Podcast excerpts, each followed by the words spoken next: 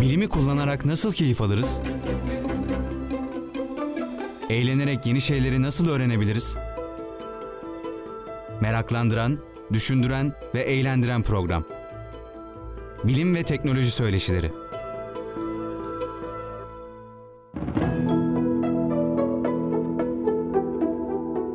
Merhabalar radyo dinleyicileri. Bugün biraz daha farklı bir e, konuyla başlamak istiyorum. Aslına bakacak olursanız e, bilim kurgu yazarlarının çok favori konularından bir tanesidir bu. Birçok bilim kurgu sever de e, keyifle gerek okur gerekse e, televizyonlarda ya da sinemalarda izleriz. Bu da şu hepimizin e, bir şekilde kulak dolgunluğu olduğu paralel evrenler ya da paralel dünyalar diyebileceğimiz. Hani işte kahraman bir şekilde sıkıştığında, e, zorlandığında bir alternatif dünyaya geçiverir. Hemen bir alternatif evrene geçer ve orada problemler çözülür. Tekrar kendi dünyasına döner. Buna benzer alternatif evrenler ya da paralel evrenler teorileri e, yaklaşık 50 küsur yıldır gündemimizde. Peki nasıl olur böyle bir olay? E, bilim kurgunun ötesinde bir gerçekliği olabilir mi? Ya da bir mühendislik anlamında böyle bir cihazımız olabilir mi? Bu konuları paralel evrenler e, ya da paralel dünyalar e, konusu başlığı altında biraz açmaya çalışacağım. Şimdi dilerseniz e, olayın nasıl başladığıyla e, ben bir başlayayım. Bir fizikçiden bahsedeceğim size, John Wheeler. Kendisi e, fiziğin gerçekten 20. yüzyıldaki en önemli köşe taşlarından bir tanesi. 1911 doğumlu, e, 2008 yılında 96 yaşındayken de e, vefat etti. Çok büyük bir kuramsal fizikçi kendisi aslında. E, kütle çekimi e, çalıştığı, kuantum mekaniğinde çok e, köşe başı denebilecek noktalarda birçok çalışma yönetti. John Wheeler e, oldukça ilginç bir kişi. Kişilik açısından da bir hayli dikkati çeken bir e, araştırmacı, bir fizikçi, bir hoca. İkinci Dünya Savaşı yıllarında atom bombasının yapıldığı Manhattan projesinde görev yapmış kendisi. Sonrasında İkinci Dünya Savaşı bittikten sonra bu kez 1951 yılında hidrojen bombasının yapımı çalışmalarında görev almış. 55 yılından itibaren de tekrar üniversiteye dönerek full akademik kadroda görevine devam etmiş. Bugün baktığımızda kuramsal fiziğin e, hemen her alanında karşımıza çıkar. Hatta e, Einstein'ın genel e, görelilik kuramından yola çıkarak bugün sıkça kullandığımız, ileriki programlarda da yer vereceğimiz örneğin kara delikler, solucan deliği gibi temel kavramları çok kendine has buluşlarıyla herkesin anlayabileceği şekilde popülerize etmesini bilen bir e, araştırmacı. John Wheeler'ın bir kavramı daha var, çok sık tartışılır. O da İngilizcesiyle it from bit diye bir yaklaşım bu. Yani aslında e, fiziksel olan her şeyin ama her şeyin görüp görebileceğiniz, dokunabileceğiniz, bu bir madde de olabilir, bir enerji de olabilir. Eninde sonunda temel olarak gelip e, yanıtının evet ya da hayır olabileceği sorulardan oluşan bir örüntü içerisinde tanımlanabileceği yani giderek evrenin çok daha küçük ölçeklerde bakıldığında bir anlamda sayısal bir örüntüye sahip olduğunu söyleyen ve bu nedenle de sayısal teknolojiler üzerinde e, fiziği ve gerekli diğer uygulamaların yapılması gerektiğini sıkça vurgulayan bir fizikçi John Wheeler. Bu anlamda akademik olarak baktığımızda Princeton'da e, aktif olarak çalışmış. E, 46 civarında doktora öğrencisi var yetiştirdiği.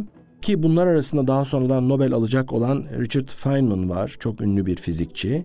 Ya da yakın birkaç sene öncesinde oynayan bir film vardı hatırlarsanız e, Interstellar diye.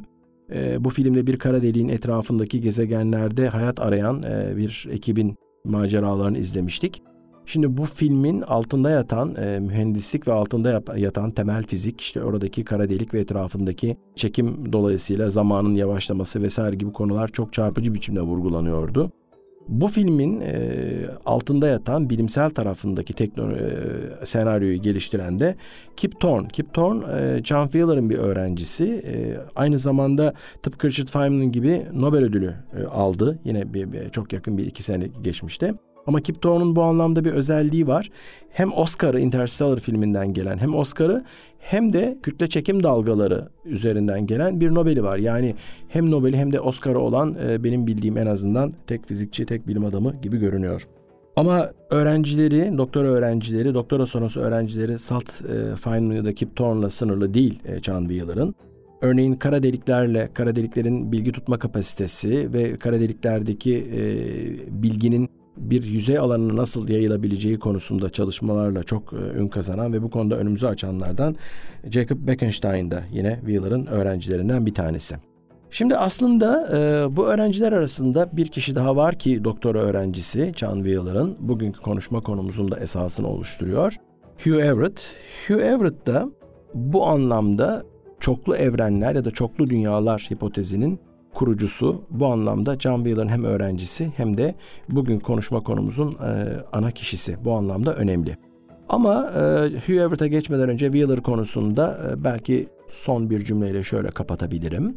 John Wheeler kendisi evet belki Nobel almadı ama çok ilginç bir kişilik ve çok temel problemlere çok değişik sorular sorarak kendinden sonra gelecek öğrencilerin, araştırmacıların bu alanda neler yapabileceğini ortaya koymak açısından yol gösteren, ışık tutan, temel araştırma konularını bu sorularıyla tanımlayan çok ilginç bir kişilik ve fizikte bugün teknolojik anlamda fizik biliminin üzerinde oturan, örneğin bilgisayar e, teknolojisine bakabilirsiniz. Temellerinde John Wheeler'ın bu sorduğu sorular üzerinde yapılmış çalışmalar ve bu çalışmaların sonucunda da mühendislik çalışmalarını görmemiz mümkün. Hemen bir tanesini e, örnekleyebilirim. Kuantum bilgisayarlar bugünlerde çok popüler ve yavaş yavaş e, sonuçlar alınmaya başlandı. Aslında bunların hepsi e, kuantum mekaniği ve John Wheeler ve diğerlerinin çalışmasının temellerini oluşturduğu çalışmaların teknolojiye yansımaları. Peki bütün bu çerçeve içerisinde Hugh Everett'ın yeri nedir? Günümüzün konusuyla ilgisi nedir? Hemen ona bir bakalım dilerseniz. Hugh Everett da e, oldukça ilginç bir kişilik. 11 Kasım 1930'da e, doğmuş kendisi ve 51 yaş gibi çok erken sayılabilecek bir yaşta 1981'de de ölmüş. Şimdi e, doktorası Hugh Everett'ın John Wheeler'la doktora hocası John e, Wheeler 1957 yılında Princeton'da verilmiş bir doktora bu. Şimdi doktorası e, o tarihlerde e, oldukça tartışma yaratan bir konu. Hatta e, doktora tezini teslim ettiğinde e, John Wheeler e, işte birkaç paragrafı birkaç sayfayı çıkarmasını istemiş. Çünkü jürinin bunu kabul etmesi mümkün değil. E, dolayısıyla da sıkıntı olabilir gerekçesiyle. E, hatta doktora tez konusu kuantum mekaniği olduğu için e, kuantum mekaniğinin kurucularından Niels Bohr'un da bu tezden hiç hoşlanmadığını biliyoruz. Peki doktora tez başlığı nedir? E, tez başlığı Türkçe'ye çevirdiğimizde şöyle, kuantum mekaniğinin çoklu dünyalar yorumu diye. Oldukça iddialı bir başlık bu. Yani tez başlığından itibaren çok net bir iddiayı görüyoruz. Çünkü ortada yine bir kuantum mekaniği var ama bu kuantum mekaniğine getirilmiş bir yorum. Kuantum mekaniğinde bugün de karşımızda olan çok temel bir probleme getirilen bir yorum var. Çoklu dünyalar üzerinden.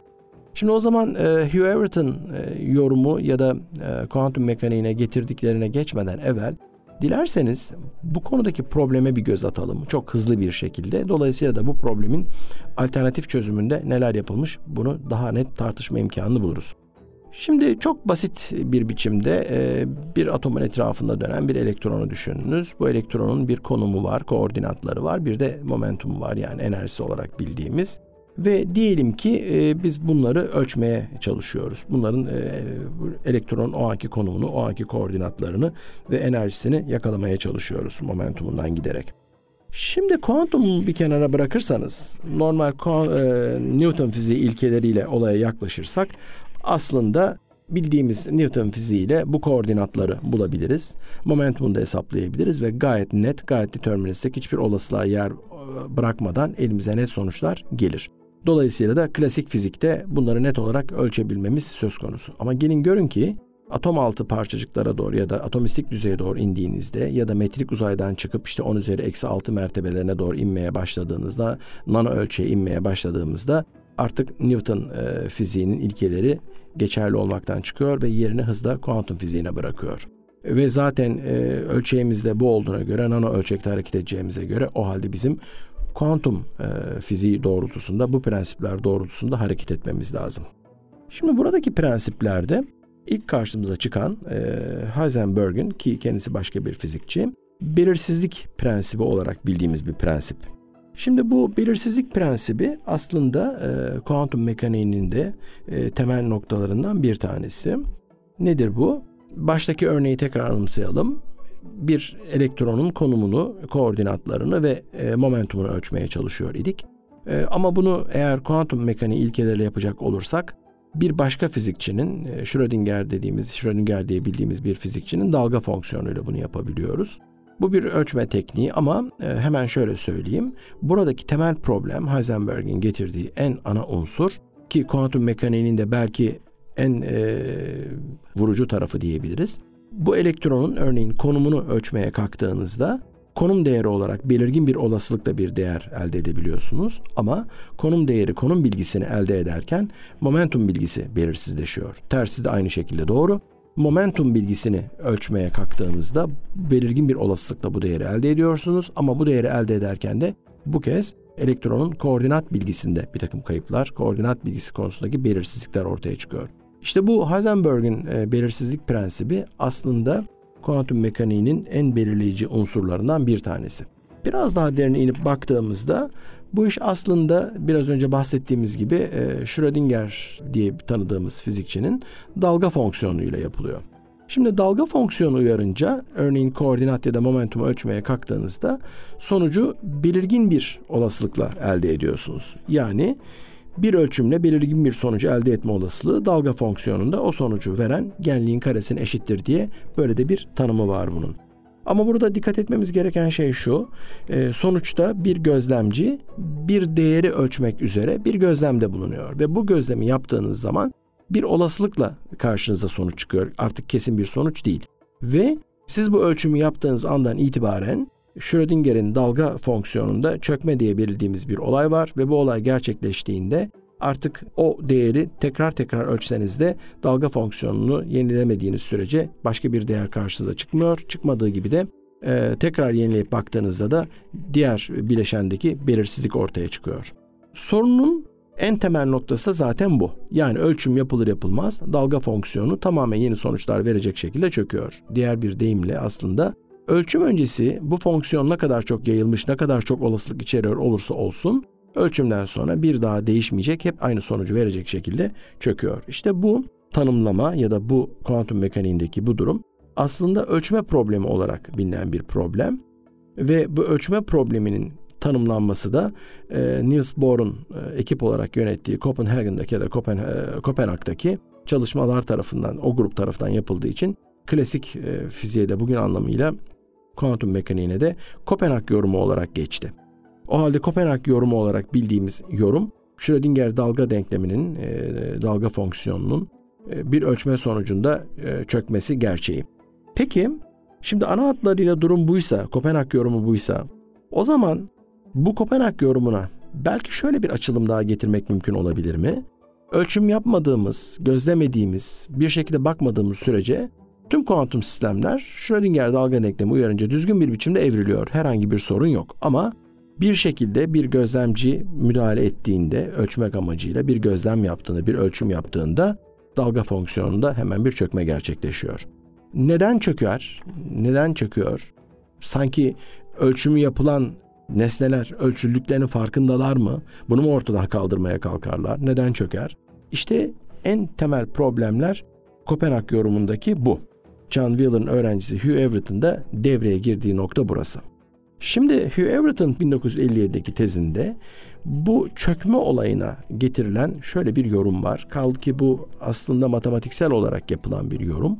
Bugün doğruluğu hala tartışılıyor. Birçok kişinin de kabul etmediği bir matematiksel yaklaşım bu. Ama nihayette böyle bir tez var ve e, henüz her ne kadar test edemediysek de Hugh Everett'in bu noktada getirdiği yaklaşım şöyle.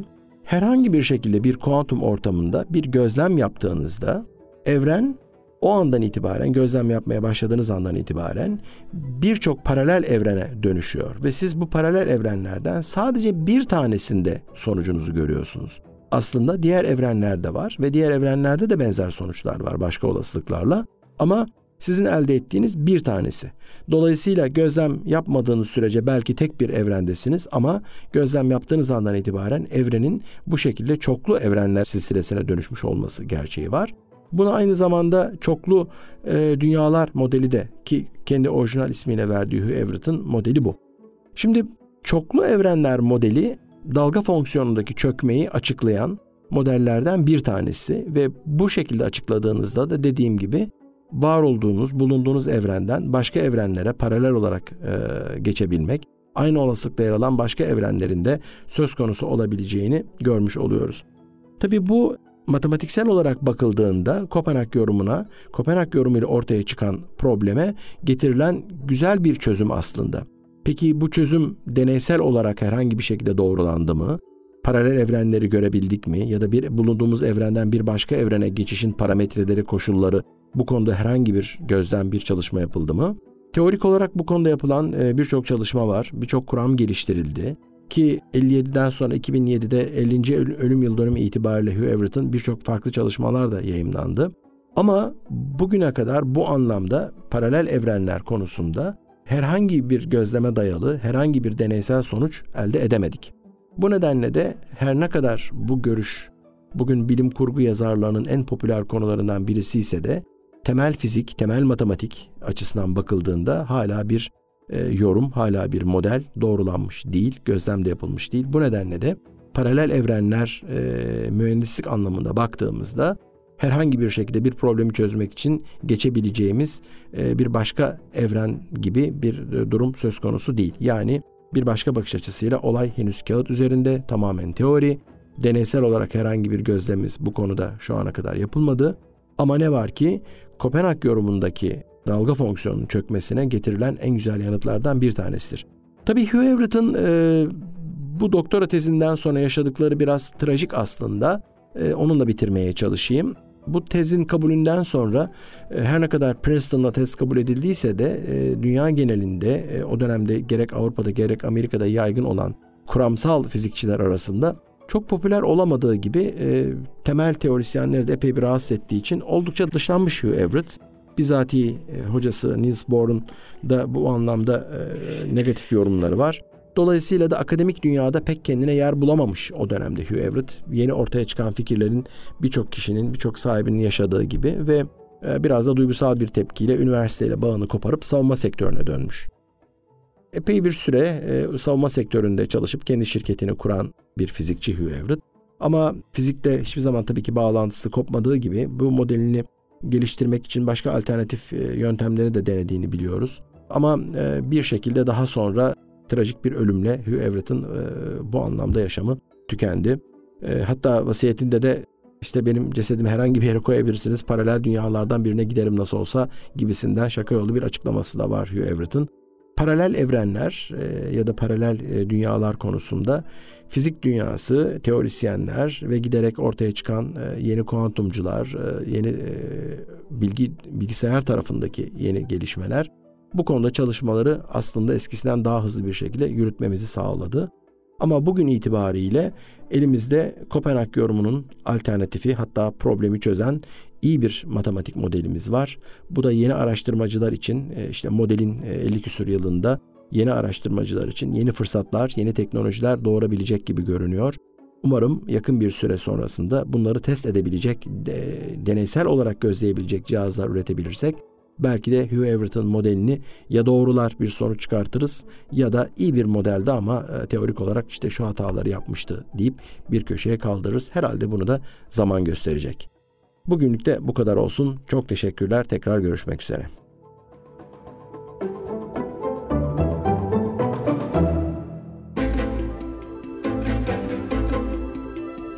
Bilimi kullanarak nasıl keyif alırız?